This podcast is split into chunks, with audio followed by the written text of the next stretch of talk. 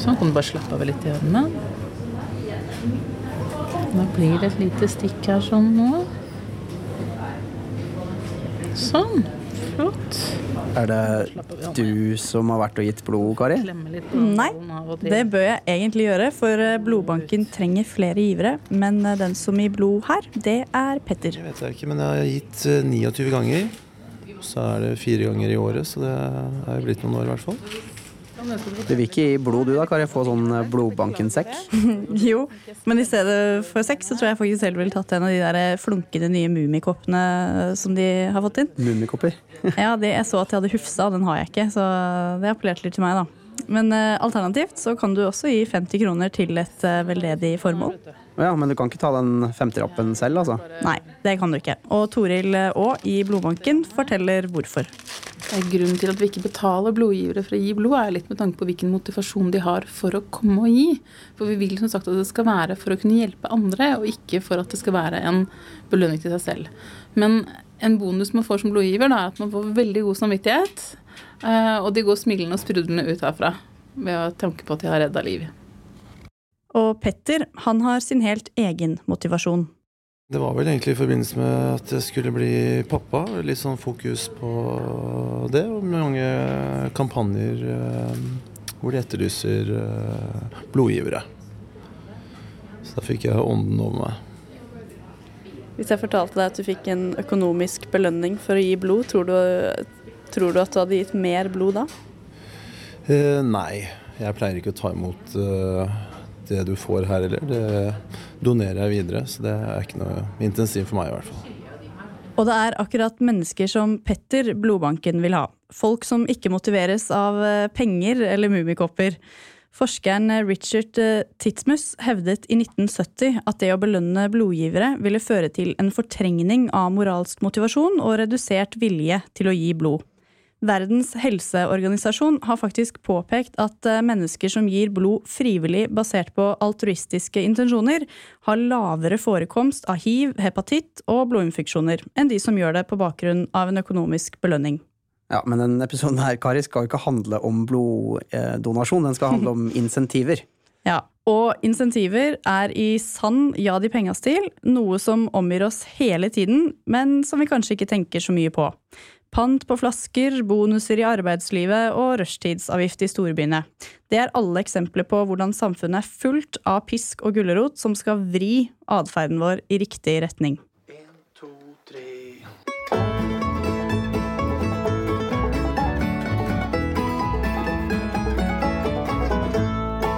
Ja, altså Jeg skrev i sin tid en uh, artikkel som het uh, 'Ti bonustabber'.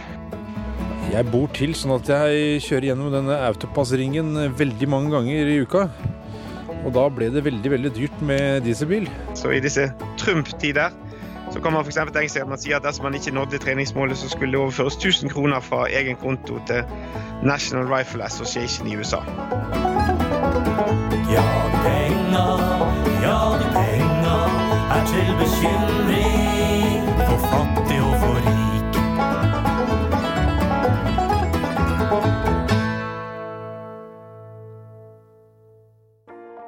Sliter du med å holde fokus på skolen? Og visste du at man tar til seg 62% mer informasjon når man legger vekk telefonen? Dette er Hold. Du, har vi fått ny annonsør, eller? Nei, men det her er interessant, skjønner du. Du er jo nettopp ferdig med masteren, eh, Kari. Oh, yes. Slet du med å ikke la deg forstyrre av mobilen da du studerte? Ja, fy fader. Og ikke bare da jeg studerte, men nå. For eksempel da, så er jeg med en meldingstråd som heter eh, Hva skal vi gjøre på nyttårsaften? med ti jenter. Og da Oi. renner det inn uh, meldinger på Facebook og WhatsApp. pling, pling, pling. Og så har du Snapchat oppå det igjen, selvfølgelig. Så det gjør sitt med konsentrasjonen. Ja, nettopp. Så det man trenger er jo hjelp til å holde seg vekk fra mobilen. Eh, Rett og slett en god grunn til å la den ligge, en gulrot. Og det er nettopp det den nye appen vi hørte om her, da, Hold, utviklet av tre norske studenter som faktisk er fra din skole, Kari, Copenhagen Business School, forsøker å gjøre. Det forteller en av grunnleggerne, Vinod Vinaya. Hold er en applikasjon som belønner studenter for å fokusere på skolen. Eh, Det gjøres gjennom å gi studentene insentiver til å redusere mobilbruken i skolesammenheng. Og måten det gjøres på er at eh, Når studentene er på skolen, så har de mulighet til å sette telefonen på hold. Eh, Og for da hvert 20. minutt de ikke bruker telefonen, så får de ett poeng. Disse poengene får de da brukt på markedsplassen, hvor de kan bytte poengene mot belønninger fra eksterne aktører. Det kan være alt fra gratis kaffe til eh, småsnacks på Narvesen, til da eh, å konkurrere om stipender og andre, eh, andre gavekort. Det der er jo helt genialt. Ja, og ideen den kommer jo selvsagt fra egne erfaringer. Hold eh, var jo en løsning som vi utviklet eh, først og fremst for å hjelpe oss selv. Eh, som studenter så eh, la vi merke til hvor mye distraksjon telefonen førte med seg. Og det var på en måte allment kjent også blant studenter at eh, det å legge fra seg telefonen muligens ville gi bedre læringsutbytte og da til slutt bedre karakterer. Men det i seg selv eh, var ikke et insentiv nok, ikke for oss og ikke for, de, for medstudentene våre. Og det var da vi kom inn på det med insentiver. Hvordan er det vi kan knytte opp insentiver for å faktisk eh, få fram eh, ønsket atferd. Og det var sånn vi knyttet av til bedrifter og kommersielle aktører som vi visste eh, var veldig interessert i å komme nærmere eh, studentene. da.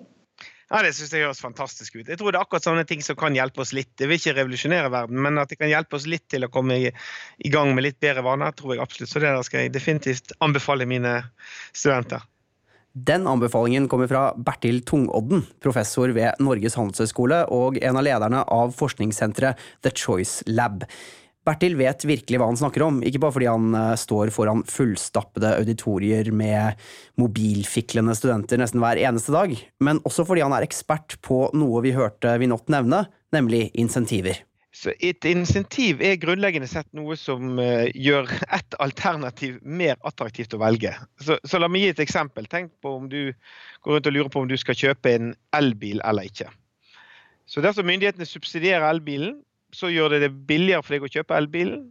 Og da har myndighetene gitt deg et insentiv til å kjøpe elbilen ved å gjøre dette alternativet mer attraktivt. Et annet eksempel fra næringslivet eh, kan være at at du skal forberede en rapport til sjefen, men sjefen forteller deg at du eh, neste morgen òg skal presentere den rapporten for hele avdelingen. Da har lederen gitt deg et insentiv til å jobbe hardt med rapporten, siden det nå blir enda viktigere for deg å levere og presentere en god rapport. Det første eksempelet jeg ga var et eh, økonomisk insentiv. Eh, Det ble billigere å kjøpe elbilen. Mens det andre var det vi kan kalle et sosialt eh, insentiv, der du òg ble opptatt av å gjøre det godt overfor resten av eh, avdelingen. Så, eh, som økonom så er jo det naturlig å snakke om eh, økonomiske versus ikke-økonomiske insentiver. Så Økonomiske insentiver det handler jo om at man endrer prisen på det man betaler for, eller lønnen for det man får for en, for en jobb. Mens ikke-økonomiske insentiver handler om at man manipulerer eller endrer andre dimensjoner ved, ved et alternativ. Og Jeg nevnte nettopp ett, nemlig sosiale insentiver. Denne gruppen av ikke-økonomiske insentiver er svær. Det er mange ting man kan se på der.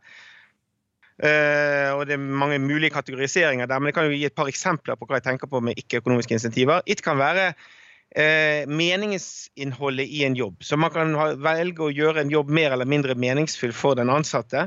Og det kan ha betydning for hvor attraktivt ansatte finner det å jobbe hardt i denne jobben. Så det er én måte å skape et insentiv på. En annen måte som er mye brukt i næringslivet, er jo det som man kaller corporate social responsibility. Som eh, en bedrift kan si at vi skal eh, f.eks. bidra delvis til gode formål i samfunnet. Det kan gi den ansatte et insentiv til å føle at jeg har lyst til å yte mer for denne bedriften. En tredje interessant variant er en type gavebytte. så du kan tenke deg at Lederen gjør noe positivt for det. Kanskje lederen kommer med en gave til jul. Eh, og Det kan gjøre at den ansatte føler at han har lyst til å jobbe hardere for lederen fordi at han ønsker å gjengilde den positive handlingen. Så, så dette er ulike typer eh, kan du si, ikke-økonomiske insentiver. Det vi typisk tenker på med indre motivasjon, det er jo at eh, man er motivert til å gjøre noe eller velge noe, uavhengig av om dette leder til andre gode ting. Så Ta f.eks. min egen forskning. Min indre motivasjon for forskningen kommer ut fra at jeg finner forskningen spennende i seg sjøl. Uavhengig av om forskningen min fører til at jeg får bedre betalt, mer anerkjennelse osv. osv. Men så kan man øh, også ha en indre motivasjon bare for å gjøre innsats. Man kan tenke seg at man er en person som blir bare motivert av at jeg vil være en person som, som yter innsats. Så det kommer fra, fra, ditt indre på mange måter, og er uavhengig av om det instrumentelt òg leder til andre gode ting.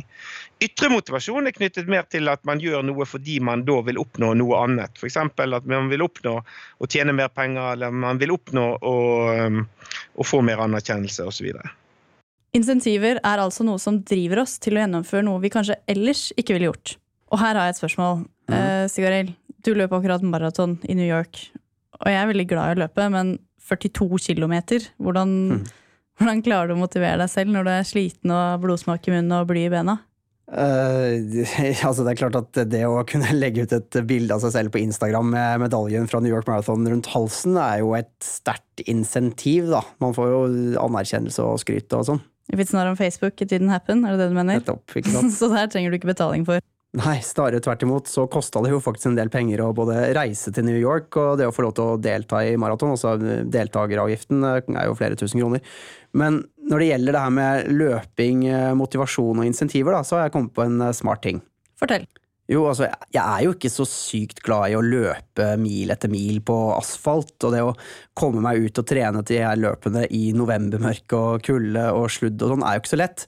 Så jeg har satt som regel for meg selv da, at jeg ikke får lov til å høre på mine favorittpodkaster med mindre jeg er ute på løpetur. Så, så, når, ja, så, når, det da sniker seg en ny for eksempel This American Life-episode inn på telefonen min Eller ja, de penga. eller, eller, ja, de penga. Eh, så vet jeg at jeg har bare én ting å gjøre, og det er å få på seg tightsen og skoa og, og komme seg ut døra. Du er virkelig podkast-Stig eh, Arild. Så sjukt nøl, egentlig, å drive løpe og høre på seg selv. Hører, ja, det var en spøk, da. Jeg hører ikke på meg selv. Og hvis jeg hører på Ja, de penga, så er det jo for å, få høre på deg, da, Kari. Å, så hyggelig. Du veksler litt med du verden, er det det du mener? Nei, du, skjerp deg. Men altså, jeg vil tilbake til Bertil uh, Tungodden. For én ting er jo gulrøtter, sånn som uh, eh, podkasten da er for meg. Men insentiver kan også komme i form av pisk. Uh, for jeg er jo ikke den eneste som trenger et spark bak for å komme meg ut på trening. Og Da ønsker man å, å gi insentiver til seg selv for å komme i gang med treningen. Og Her finnes jo det f.eks. websider der man kan, man kan gjøre dette. her.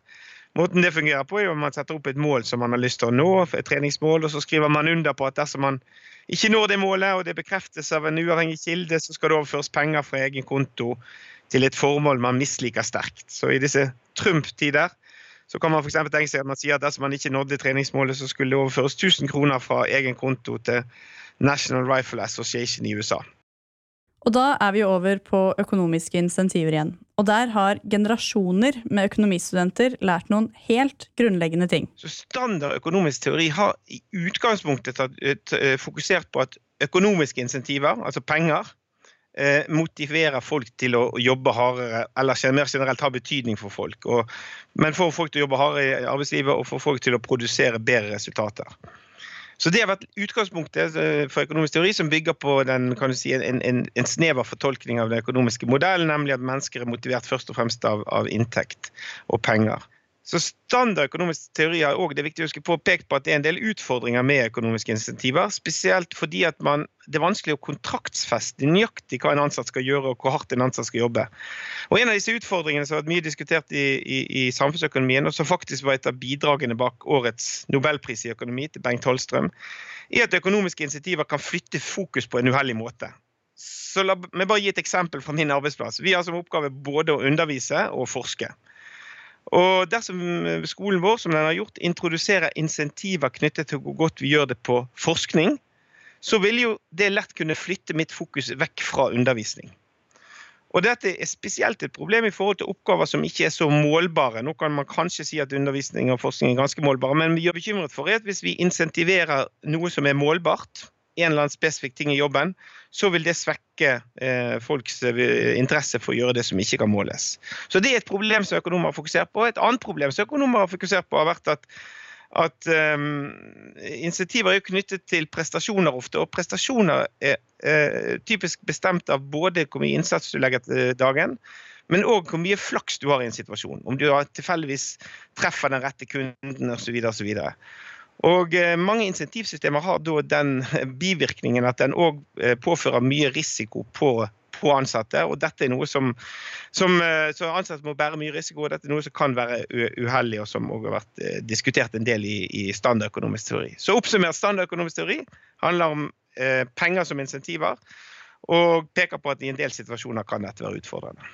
Dette er jo logisk nok. Får du penger for å gjøre noe, så blir du mer motivert til å gjøre det. Men det kan også føre til at du prioriterer vekk andre ting som du kanskje burde gjort, men ikke blir målt på eller betalt for. Nettopp.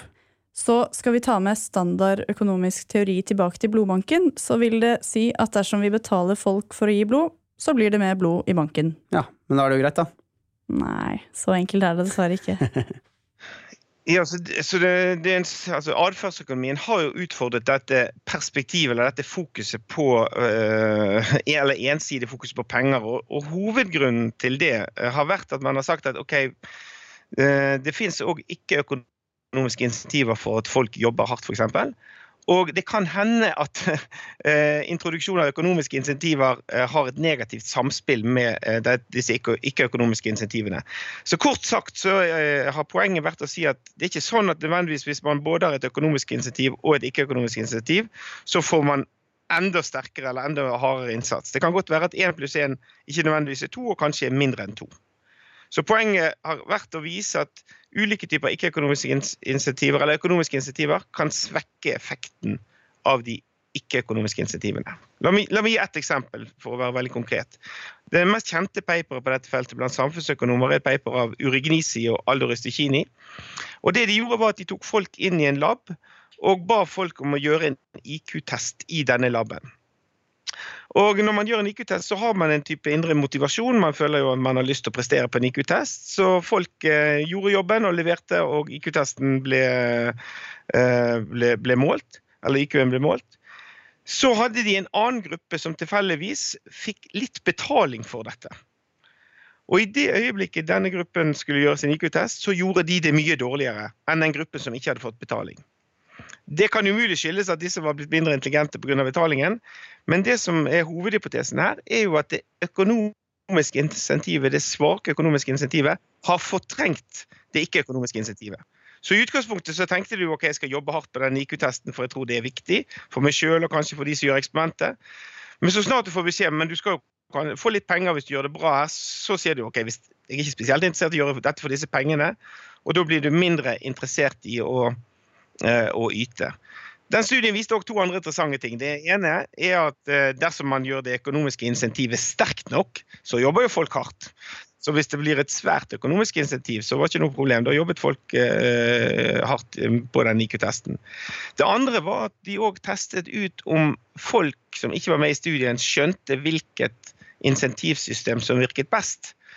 Og da var det veldig entydig at folk flest trodde at de eh, insentivsystemene som involverte at folk fikk betalt for å gjøre IQ-testen, ville gi høyest score, mens det ikke var tilfellet når man sammenlignet med den situasjonen der man, eh, der man Når man sammenlignet den eh, situasjonen der man fikk eh, bare litt betalt eller ikke betalt. Men det som er veldig veldig viktig, og det som jeg tror er hovedinnsikten her, er at i dette tilfellet er ikke nødvendigvis 1 pluss 1 2.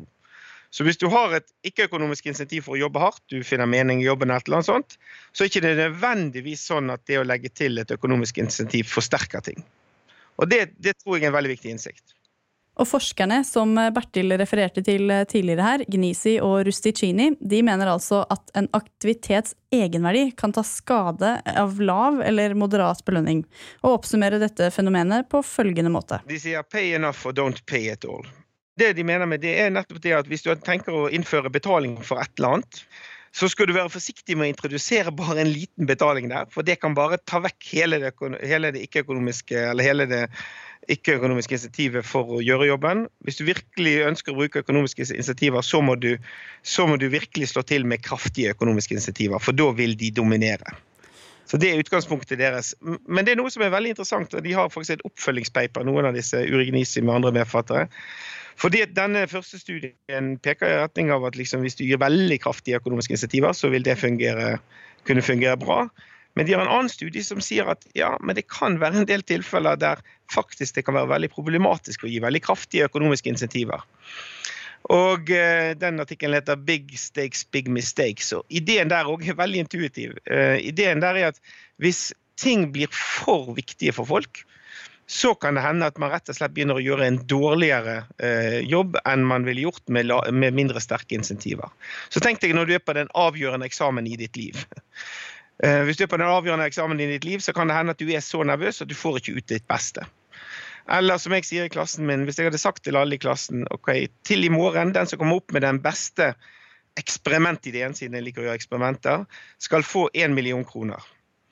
Det er ikke opplagt at det ville ført til veldig mange gode eksperimentideer. Det kunne ført til at ingen klarte å konsentrere seg om å gjøre en god jobb. Alle var så fokusert på muligheten for å vinne disse pengene. Så insentivet kan strengt tatt bli for sterkt òg. Og dette er også vist eksperimentelt at det stemmer. at I en del tilfeller så kan insentivene og Da svekker ikke de motivasjonen, for du er mer enn nok motivert, men det kan svekke faktisk eh, prestasjonen din fordi at, eh, fordi at det blir for sterkt. Betal skikkelig, eller ikke betal i det hele tatt. eh, Altså, men vi hører jo ofte argumentet at eh, ja, litt er jo i alle fall bedre enn ingenting, da. Altså, det er jeg ikke helt enig i. Seriøst, se for deg at du må stå og selge pølser hele 17. mai fordi kiden din spiller i korps. Mm. Og så kommer det en sånn korpsleder på slutten av dagen og skal gi deg en hundrelapp på strevet. Da sier jeg heller don't pay og hva skal jeg si, rendyrker dugnad sånn. Ok, det er et godt poeng.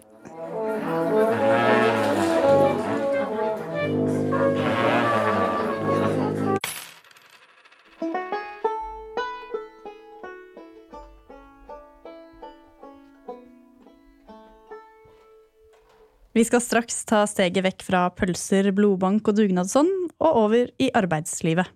Men først skal vi høre litt fra vår annonsør Deloitte, som har et betalt bilag her i Alle penga-feeden. Til nå altså, har dere fått høre podkasten Verdien av tillit med Christian Borch, men nå kommer de med noe helt nytt, nemlig en podkast som gir deg et blikk på innsiden av det store glassbygget i Barcode.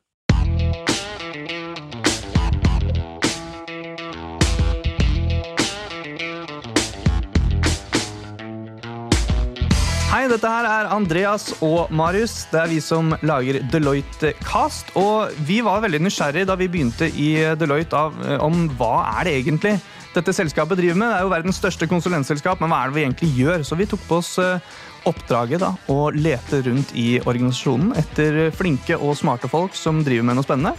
eh, Og prøve å finne ut av hva er det de egentlig kan, og hva er det de egentlig driver med. Så vi skal da både åpne eh, konsulentbransjen for alle dere der ute, om dere er studenter eller bare er interessert i de temaene som vi kan om her på Deloitte-huset. Og så skal vi også da selvfølgelig sørge for at eh, Deloitte får vite det Deloitte allerede vet. At vi klarer å gjøre den kunnskapen som sitter inni hodene på alle disse menneskene her, til kollektiv kunnskap som vi på en måte kan vite sammen. Hmm. Og ja, Vi satt jo som studenter for ikke så lenge siden selv og lurte på hva er det egentlig dette arbeidslivet går i, og hva, eh, hvordan jobber man med alle disse temaene som man hører så mye om. Eh, om det er eh, endringsledelse eller kostnadsreduksjon, eller om det er eh, noe helt annet. Robotics. Robotics, selvfølgelig. Digitalisering som det dukker opp som et tema som vi snakker om en del. Hva er dette her egentlig i praksis? Hvordan jobber man med dette her? Hva betyr det for ansatte, for ledere og ja, osv. så videre. Så dette er noe vi er interessert i, og som vi prøver å finne litt ut av. Og, og håper at både studenter og andre i arbeidslivet får nytte av det. Og så skal vi prøve å ha det ganske hyggelig her. At det blir en litt sånn sofasamtalesetting. Eh, Du kommer til å få høre litt hvordan det går med oss to. eh, Marius og Andreas. Vi forteller deg litt om ukene våre. Eh, Og forhåpentligvis da blir summen av dette her et godt innblikk i, i konsulentbransjen. Mm. Og de temaene som vi, som vi jobber med. Så uh, tune inn på iTunes, din uh, podkast-app. Soundcloud finnes vi på. Deloitte Cast i ett ord med uh, cast med C. Så vi ser fram til å høre fra deg. eh, og at du hører på oss. Så vi høres. høres. Ok, Så det er fredagspumpen som skal etableres? Yes. Mm. Rett på byen etterpå?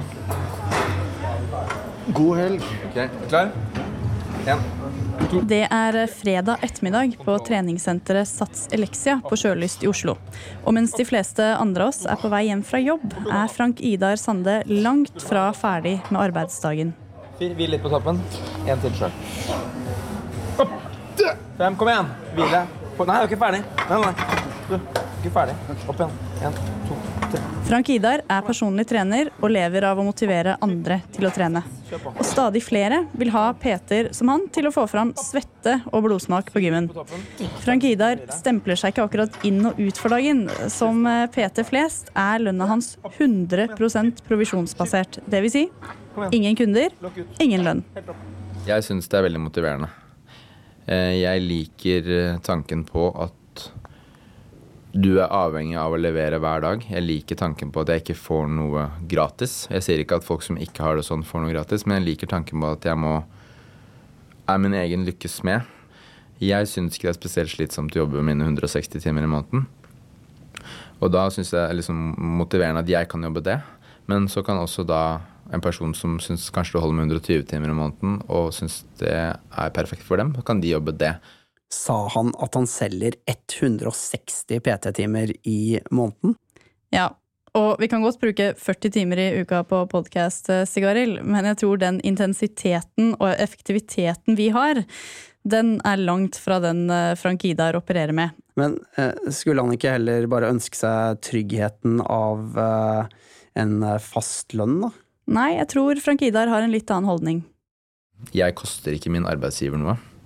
Jeg er alltid et plussprosjekt for arbeidsgiveren min, så jeg kan heve min lønn med god samvittighet. For hver krone jeg blir betalt av Elixia, så har de tjent noe på meg. Jeg er alltid produktiv. Jeg får ikke betalt for å ikke gjøre et produkt, for å lage noe. Så jeg har ikke den der Facebook-dødtiden som kanskje en del eh, ansatte kan ha i andre bedrifter, på godt og vondt. Hvis vi ser for oss en sånn vekt hvor det, på den ene siden så er det indre motivasjon, og på den andre siden av vekta så er det mm, økonomisk belønning. Hva veier tyngst for deg, nå som du gjør det jo veldig bra som PT? Da må jeg liksom gå tilbake til starten. For det begynte med at dette syns jeg er gøy. Jeg har alltid syntes at sånn styrketrening, altså vekttrening, har vært gøy siden jeg begynte. Uh, alltid likt det siden jeg var 16 år og hjulpet venner med trening uten å få en krone for det. Så for min del så startet det med en lidenskap for trening. Og så selvfølgelig, vi må jo ha noe å leve av. Vi skal jo ut og fange maten vår. Og det er pengene vi fanger maten med. Så selvfølgelig må vi leve. Eh, Men da er det motivasjonen er at jeg skal være heldig at jeg kan gjøre noe jeg liker. Og da når jeg først gjør noe jeg liker, så vil jeg ha selvfølgelig best mulig betalt for det. Men jeg vil mye heller da ha dårligere betalt og gjøre noe jeg liker, enn å tjene mye mer og gjøre noe jeg ikke liker like godt. Så hovedmotivasjonen er jo da faget i seg selv. Og så er det da selvfølgelig kjempemotiverende å bli belønna godt uh, for å gjøre jobben. Og jeg er veldig opptatt av det, og jeg er kjempemotivert av å tjene godt. Det er en veldig drivkraft for meg at jeg liker jobben, men også at jeg får godt betalt. Jeg hadde ikke giddet å jobbe 160-180 timer i måneden hvis ikke det hadde lønt seg for meg. Da hadde jeg ligget på 100 til 130 og hadde mer fri til å sitte med Xboxen eller sånne ting. Så det er klart at mot- økonomi er absolutt en drivkraft til å stå på. Interessant. Hvis vi skal prøve å koble dette til det Bertil Tungodden fra The Choice Lab eh, fortalte oss før pausen, så er det jo ikke sånn at eh, den indre motivasjonen til Frank Idar, eh, det at han simpelthen bare elsker å hjelpe andre å trene, blir fordrevet av den ytre motivasjonen, nemlig de ekstra pengene han tjener for hver eneste PT-time han klarer å selge. Eh, Pay enough or don't pay at all, eh, hørte vi forskerne konkluderte. Og Frank Idar, han har pay enough. Han tjener godt over en mill i året. Oi, men hvorfor betaler ikke arbeidsgiveren hans bare fastlønn? Jo, jeg har snakket med Atle Arntzen, som er ansvarlig for personlig trening i Sats Elexia, og det viser seg ikke være så effektivt. Vi ønsker jo da å etablere PT som et fulltidsyrke. Dvs. Si at vi ønsker å ha PT som jobber fulltid med kunder. Og det vi da så når vi da testet ut fastlønn til PT-er, det var det at de ble utrolig mye mindre produktive. De brukte mye tid på, på å gjøre ting som ikke skapte eh, PT-tjenester for medlemmene. Så eh, vi fikk mye mer fornøyde medlemmer når vi da gikk bort fra fastlønn, for da hadde jo PT-ene dette lille presset på seg til å, å, å trå til litt ekstra for å få flere kunder. Og da fikk vi mer fornøyde medlemmer. Men når mediene skriver om bonuser og prestasjonsbasert lønn, så er det jo ikke vanligvis eh, personlige trenere eller for den del fabrikkarbeidere det er snakk om. Da er det ramaskrik over folk i bank og finans og advokatbransjen som får millionutbetalinger eh, utover den fastlønnen de har. Ja, Man kan jo nesten få inntrykk av at eh, næringslivet er gjennomsyret av eh, bonusordninger. Og de kommer jo i mange ulike former og fasonger. Det forteller NHH-professor Iver Bragelien. Man kan ha en aksjeordning hvor, man, hvor de ansatte får aksjer i belønning. Eh, De kan få aksjeopsjoner i belønning. Eh, De kan få eh, salgsprovisjoner. eller eh, Sånn type eh, Eller per eh, potet de plukker, eller per kilo potet de plukker, altså en akkordlønn. Eh, Men det vanligste er jo en bonuslønn, hvor man får en bonus gjerne i slutten av året, eventuelt i slutten av hvert kvartal. Basert på de resultatene som bedriften eller du selv har oppnådd siste året. Iver Bragelien har forsket særlig på bonussystemer i den norske banksektoren. Det som er interessant å se på eh, i bankene, det er at eh, de har valgt veldig ulike typer bonusordninger. Eh, Vi skulle kanskje tro at en bank er en bank, og at de derfor valgte samme ordning, men det gjør de ikke. Noen har ikke bonusordninger i det hele tatt, eller de har prøvd og så sluttet med det. Andre har konsernbonus og kun det, mens andre igjen har både konsernbonus, teambonus og individuell bonus. Og bonuslønn har spredt seg til store deler av det private næringslivet. Ja, det er jo hele privat sektor, så er dette her ganske vanlig. Eh, hvis vi ser på ledere, så er det for 41% av ledere og mellomledere, altså en, da er det en stor gruppe av ledere, rundt 200 000 ledere i Norge som er blitt spurt. Eh, Og de, eh, av, i denne gruppen så var det 41% som hadde en bonus i 2011. Eh, Og vi må regne med at eh, andre ansatte i virksomhetene også har stort sett bonusordning, eh, kanskje litt færre, men eh, et sted mellom 30 og 40% av alle ansatte i privat sektor har nok en bonusordning slik det er nå.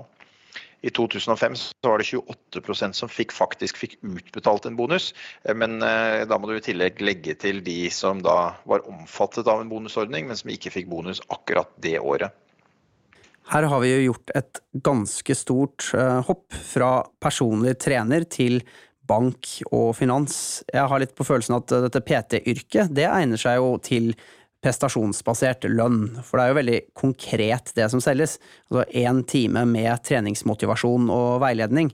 Ja, og ikke minst er det veldig tydelig hvem som presterer, og dermed også hvem som skal ha belønning.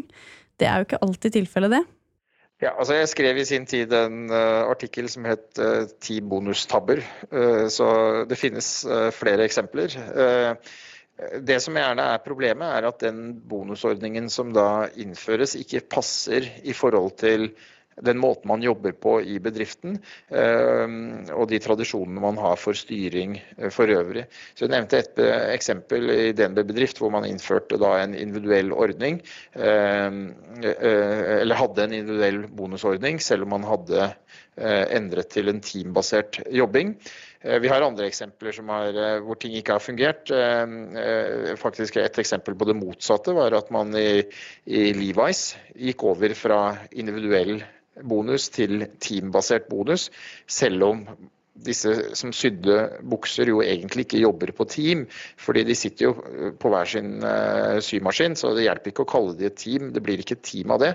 Og, det fungerte veldig dårlig, for da ble det bare at man ropte til hverandre, og, og det ble veldig dårlig arbeidsmiljø. fordi hvis det var noen som mente at noen andre på det såkalte team ikke gjorde jobben sin, så var det ikke så mye du kunne gjøre for å hjelpe dem, for du satt jo, måtte jo sy selv.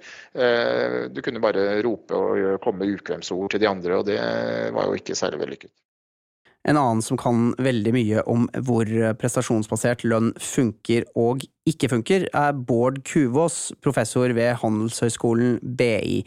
Og jeg fikk tak i ham på telefon. For å si det litt enkelt, det vi kaller resultatbaserte bonuser, dvs. Si typisk et kvantitativt objektivt mål, sånn som antall enheter produsert, eh, antall jordbær plukket osv., osv. Det er den type oppgaver som, som, hvor det egner seg best, og hvor det er minst uh, ulemper eller uh, negative bieffekter assosiert med. Så enkle oppgaver som i utgangspunktet ikke er særlig engasjerende eller det vi kaller indre motiverende, så som jordbærplukking, treplanting osv. Der passer det bra, men eh, hvor passer det da dårlig? Typisk for mer sammensatte, komplekse oppgaver. Og oppgaver som i seg selv har større potensial for å være indre motiverende fordi de er utfordrende, interessante, meningsfylte osv. Så det vil jo si at uh, mens uh, bonussystemer og prestasjonsbasert lønn blir mer og mer uh, populært, så er jo det i en økonomi og et samfunn der det blir færre og færre av de arbeidsoppgavene det egentlig passer til. Det har du rett i, men jeg er ikke så sikker på om det blir mer og mer populært. Jeg tror dette har jeg ikke tall på, for det er ikke en del av min forskning. Jeg er mer opptatt av effekter av ulike typer av bonuser. Men, men på meg virker det som om flere og flere faktisk går vekk fra disse systemene. I bank har vi til og med fått EU-direktiver som gjør det vanskeligere å koble en kunderådgivers salg opp mot konkrete bonuser. Eh, ellers så opplever jeg at ganske mange konsulentfirmaer, advokatfirmaer osv. går over fra individuelle bonuser basert på utfakturering osv. til mer kollektive systemer. For å øke samarbeid, for å få bedre flyt i, i produksjonen, eh, og for å prøve å få til at det store flertallet skal oppleve at eh, her jobber vi sammen i en organisasjon. Vi er ikke private bedrifter i en organisasjon. Ja, ellers så tror jeg ikke vi hadde drevet med det her, altså. Nei. Bård Kuvås nevnte jo at bonuslønn kanskje ikke påvirker prestasjoner, men at det kan påvirke hvem som søker seg til hvilken type jobber. Og akkurat det har Bertil Tungodden ved Norges handelshøyskole forsket på. Så Hvis hovedfokuset i en, i en topplederstilling er å tiltrekke seg folk basert på ytre motivasjon, så vil man fort kunne få én type mennesker som først og fremst er drevet av ytre motivasjon. Hvis topplederstillingen i stor grad er motivert ut fra, eller eh, tilpasset eh, mennesker som er indre motivert, så kan man, kan man, fort få en annen type mennesker. Og det er en del studier som prøver å forstå hvor, hvor store forskjeller det er i rekrutteringen av, av mennesker inn, basert på hvordan man eh, på en måte eh, utformer disse topplederlønningene og bonusene. Forsøk som Bertil Tungodden og The Choice Lab har gjennomført, eh, viser at insentiver gjerne må til for at folk skal ta lederansvar, enten det er på arbeidsplassen, idrettsforeningen eller andre steder. Men insentiver for lederansvar kan også ha en negativ effekt på de andre i gruppa, de som ikke er ledere. Men eh, hvis man gir for sterke insentiver, så eh, får man det som vi kaller i, det, i den studien en sosial fortrengningseffekt. At eh, det demotiverer de andre i, de andre i gruppa, og totalresultatet blir dårligere. Så, så, det er ingen enkel ligning som sier at jo høyere topplønninger, jo bedre folk tiltrekker deg, og jo bedre prestasjoner leverer de. Så å rekruttere ledere krever altså insentiver? Men da må også lederen fremstå som et godt eksempel, eller så kan insentivene virke urettferdige. Ja, og det er jo en god overgang til den siste delen av denne episoden av Ja, de penga. For er det ett sted verden virkelig trenger lederskap og at eh, folk går foran som gode eksempler, så er det for å løse klimakrisen. Ja, Nå er det jo klimakonferanse i Marrakech, og har du hørt om eh, hun som tok eh, toget til Marokko? Fire dager tok det. Oi. Hun må ha vært eh, en skikkelig aktivist. Eh, det kan jo hende at eh, andre lar seg inspirere til å gjøre det samme, da, når hun går foran som et så godt eksempel at mange andre finner sin egen indre motivasjon.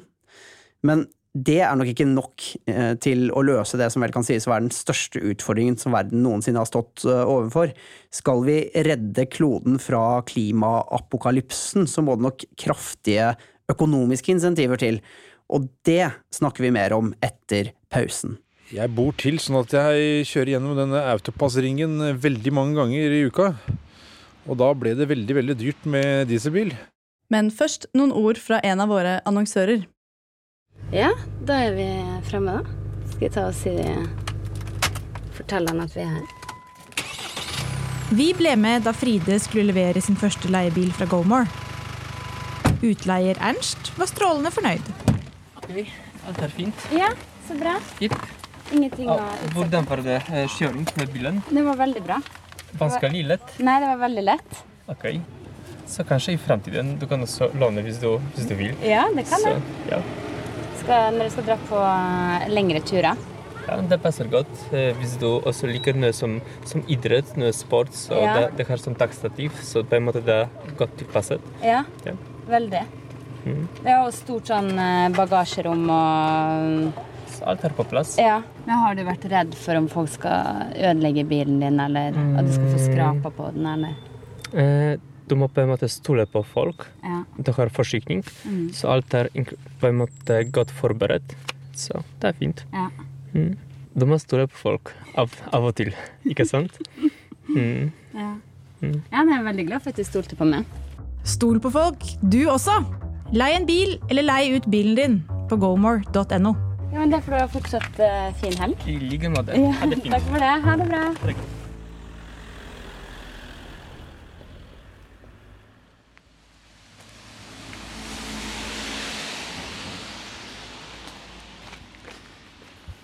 Det er litt småregn, det er kaldt, og det er høst. Og det er bare én ting Hans Petter må gjøre før han kan kjøre hjem fra jobb. Nemlig å dra ut stikkontakta på bilen. Hvorfor kjører du egentlig elbil? Ja, si det. Fordi det er behagelig. Fordi det er ganske rimelig. Jeg bor til sånn at jeg kjører gjennom denne autopassringen veldig mange ganger i uka. Og da ble det veldig, veldig dyrt med dieselbil. Derfor så trengte jeg noe som ikke var så dyrt å kjøre mye gjennom omringene. Fordi jeg bor rett på utsiden. Og da blir det veldig upraktisk. Når du skal på butikken eller på trening eller hva som helst, og måtte betale hver gang. Ja, Så pengene hjelper deg rett og slett å være litt mer eh, miljøvennlig? Ja. Men jeg har månedskort også. Det høres jo ut som Hans Petter lar seg styre av økonomiske insentiver, da. Det var vel ikke et sterkt indre miljøengasjement som motiverte han til å kjøpe elbil? Nei, for her er virkelig et kobbel av økonomiske insentiver satt i verk. For det første er det ingen moms eller engangsavgift når du kjøper elbil. Dessuten er det, som Hans Petter nevnte, et fritak for bomavgifter, det er enklere å skaffe parkering, og hvis du har med en passasjer i bilen, så kan du i tillegg kjøre i kollektivfeltet, og det er ganske nice i morgenrushet, særlig inn til Oslo eller Bergen eller andre storbyene. Så i fjor sto elbiler faktisk for 17% av salget av nye biler, og nå er det nesten 130 000 elbiler og det som kalles da ladbare hybridbiler på norske veier. Det kan jo tyde på at økonomiske insentiver funker for å vri samfunnet i en mer klimavennlig retning. I alle fall de som har råd til å kjøpe seg en flunka ny elbil ved siden av SUV-en de tar til hytta. Ja, det er et godt poeng, da. For det er innført massevis av insentiver for å lette belastningen på miljøet. Men spørsmålet er, som du påpeker, om de treffer riktig, og om de har noen effekt.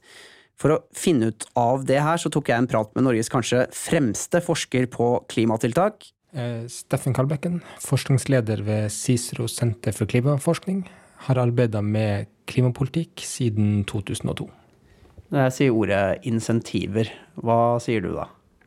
Da tenker jeg veldig fort på eh, avgifter, regulering, subsidier og kvotehandel. Altså instrumentene som gir oss de insentivene vi trenger. Eh, I Norge er jo langt over halvparten av alle utslipp omfatta av kvotehandel eller CO2-avgift. Man kan selvfølgelig diskutere om eh, kvoteprisen og avgiftsnivået er høyt nok til å utløse den handlingen som trengs, men det er uansett det som er det helt klart foretrukne eh, politikkinstrumentet i Norge for å endre oss i en mer klimavennlig retning. Og det er i Norge, men hvordan er det ellers i verden? I resten av verden så er det litt mer varierende. Går du bare litt ut av landet, til Europa, så er det jo omtrent det samme bildet. da. Kvotehandelssystemet er det største, viktigste instrumentet for EU. Men går du til mange andre land, spesielt i utviklingsland, så er det mer fokus på eh, subsidier. Subsidiere og støtte fornybar energi på ulike måter. Og infrastrukturinvestering, altså bygge ut om det er T-bane eller eh, strømnettet. Mye mer fokus på den sida av spørsmålet. Når var det insentivtenkningen begynt, virkelig begynte å ta tak i eh, spørsmål rundt klima og, og hvordan vi skal løse klimaproblemet? Den har vært med ganske lenge. Hvis vi går tilbake til forhandlinga av Kyoto-protokollen i 1997, så pressa amerikanerne ganske sterkt på for at det skulle åpne opp for kvotehandel. Det var da ikke sentrert rundt kvotene, men i hvert fall åpne opp for det. Eh, EU er i utgangspunktet skeptisk til å bruke akkurat det, de ønska heller avgifter, men mislyktes internt med å få det til, og ble da med på, på at kvotehandel skulle være et sentralt instrument i å gjennomføre Kyoto-protokollen. Men jeg må da understreke at det står da også veldig tydelig der at dette skal være et supplement, altså et tillegg til nasjonal handling. Det er opp til landet sjøl om det da skal skje gjennom andre insentiver, men det skal komme på toppen av, og ikke være hovedvirkemidlet for, eh, for land. Når du snakker om kvoter, Steffen, så, veldig, så handler det jo mye om eh, land og, og store selskaper og sånn. eh, Men hva med vanlige folk? Har insentivtankegangen når det gjelder våre egne handlingsmønstre, eksistert like lenge? Ja, Norge innførte jo ei CO2-avgift allerede i eh, 1991. Den var selvfølgelig mest av alt på sokkelen, som ikke berører folk flest direkte. Men vi har jo da hatt eh, andre avgifter. Vi har hatt drivstoffavgifter i lang tid, så vi har lenge tenkt at det er viktig at folk betaler for den eksterne kostnaden av det de gjør. Ser på akkurat drivstoffavgifter, så handler det jo selvfølgelig mest av alt om slitasje på veier og annen forurensning. Klimaspekt der kom inn langt senere i nyere tid. Vi har også hatt eh, elavgifter i lang tid. Nok mest for å skaffe proveny, ikke mest for å endre atferd. Men det har vært avgifter i ganske lang tid som berører folk direkte. Så det er også ting som er enda mer målretta mot husholdninger. Og da tenker jeg på subsidier gjennom Enova og andre som har arbeidet med energieffektivisering. Der man kunnet søke om tilskudd for å skifte ut ovner, installere varmepumpe, etterinstallere hus, gjøre ulike ting. Det har endra seg litt gjennom tida hva man har fokusert på, men det har lenge eksistert ulike støtteordninger for privatpersoner som ønsker å spesielt energieffektivisere husene sine. Hvor sentralt står det i klimaforskningen det å klare å finne ut av hvilke insentiver som fungerer og hvilke ikke som fungerer, og, og hvor godt de fungerer? Vi vet ganske mye om effekten av f.eks. avgifter versus subsidier og reguleringer. Det som er den største utfordringen i dag, det å finne ut hvordan man syr sammen en pakke som også er politisk gjennomførbar. Som økonom så har jeg jo veldig stor tro på at økonomiske insentiver fungerer. Men etter å ha observert klimapolitikken i over 15 år, så ser jeg hvor vanskelig det er å få innført de optimale løsningene.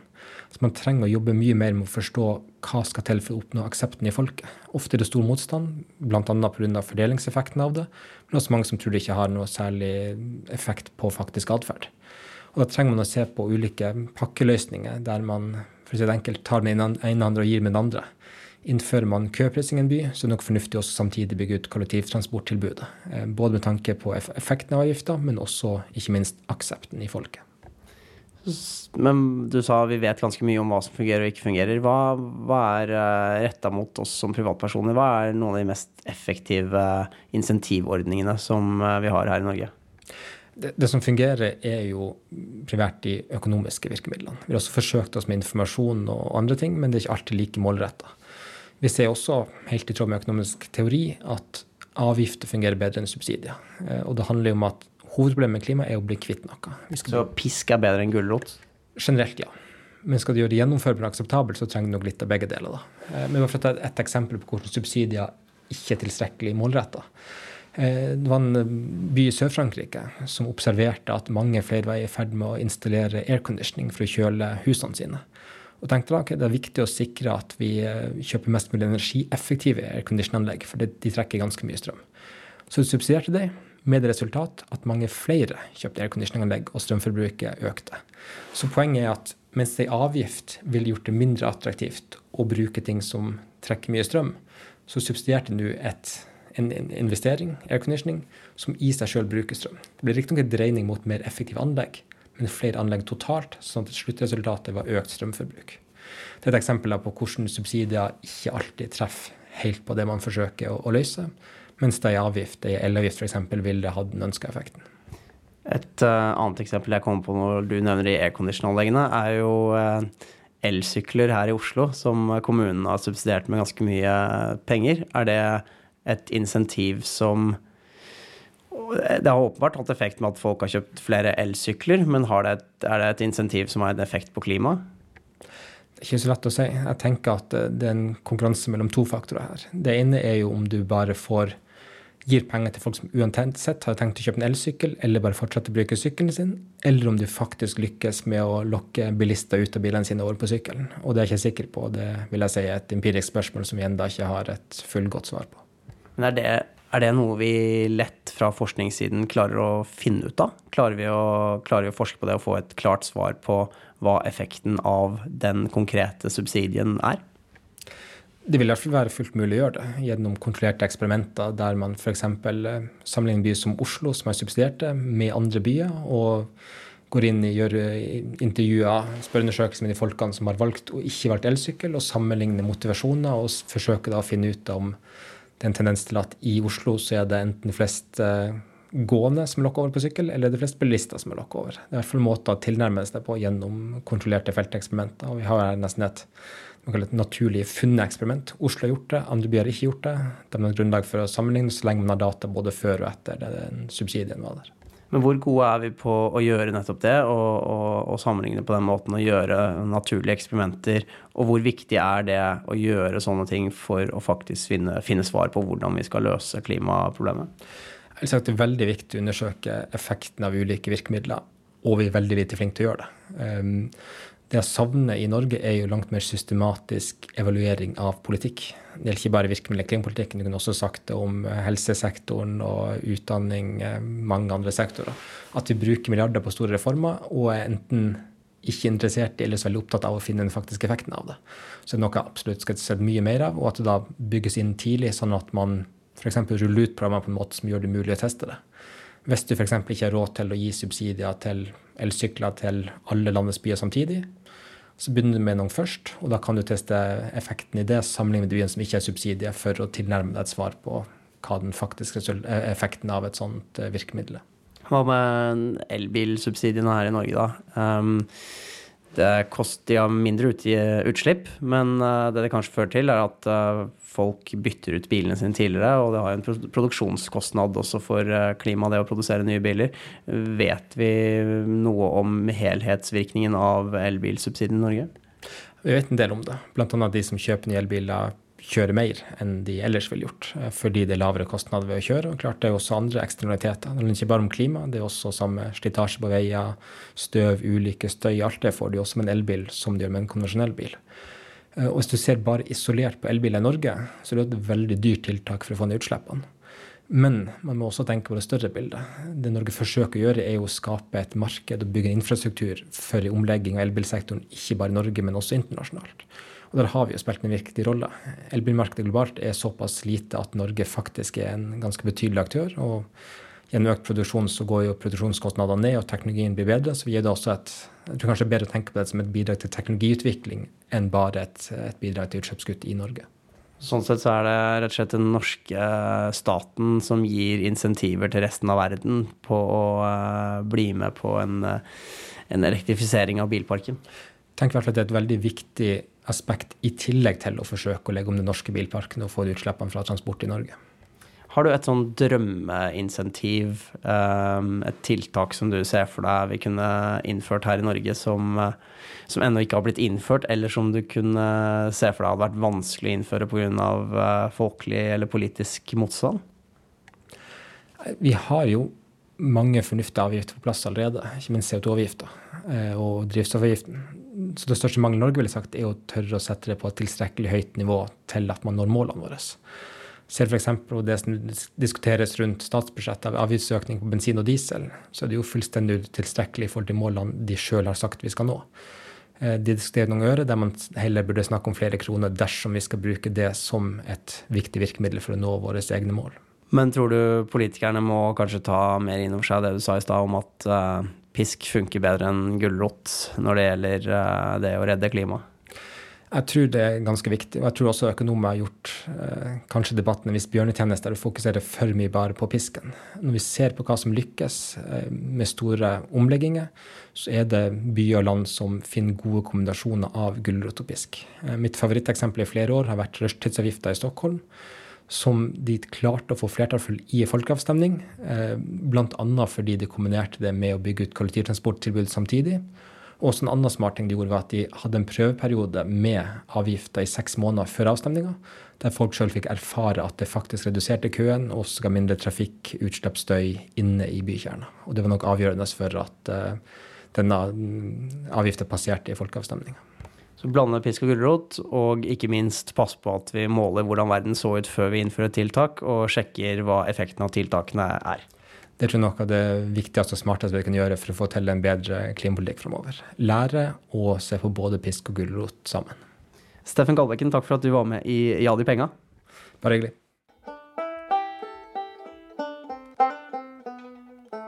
Kari, Mm.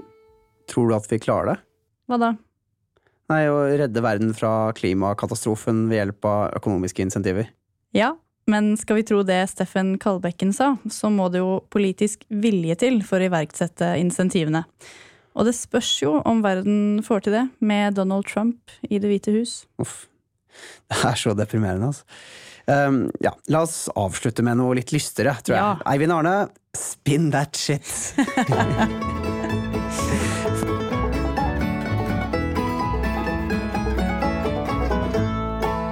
For det du hører her, er Ila Auto, og musikkvideoen til denne coverversjonen av Pengegaloppen finner du på vår Facebook-side. Bare søk oss opp som Ja de penga. Ja, de penga produseres av Podster med støtte fra Finansmarkedsfondet. Og det er altså den berømte Eivind Arne Jensen Larsen som står for teknikken på denne podkasten. Husk å abonnere på Ja de penga i podkastappen din. Det er veldig enkelt, og da får du neste episode rett inn på telefonen din uten at du må gjøre noe som helst. Hvis du liker det du hører, så fortell vennene dine om Ja de penga, og gi oss gjerne noen stjerner og en anmeldelse i iTunes. Ja, please. Og sist, men ikke minst, husk å gi blod, da, dere. Så kanskje det vanker en uh, mummikopp på deg, vet du. Ja, det er sikkert som banken. Eller blodbanken. Blir ikke bankkrise da, i hvert fall. Nei. Ha det. Da Sola sto bak åsen, opp han drømte at den la i hop kroner én, kroner to, kroner tre, kroner fire, kroner fem, kroner seks, kroner sju, kroner åtte, kroner ni. Og da han våkna at han telte, så han skalv og svatt for å sjå om det stemte på krona øre med det han fikk i natt. Ja, penga, ja, de penga er til bekymring for fattig og for rik.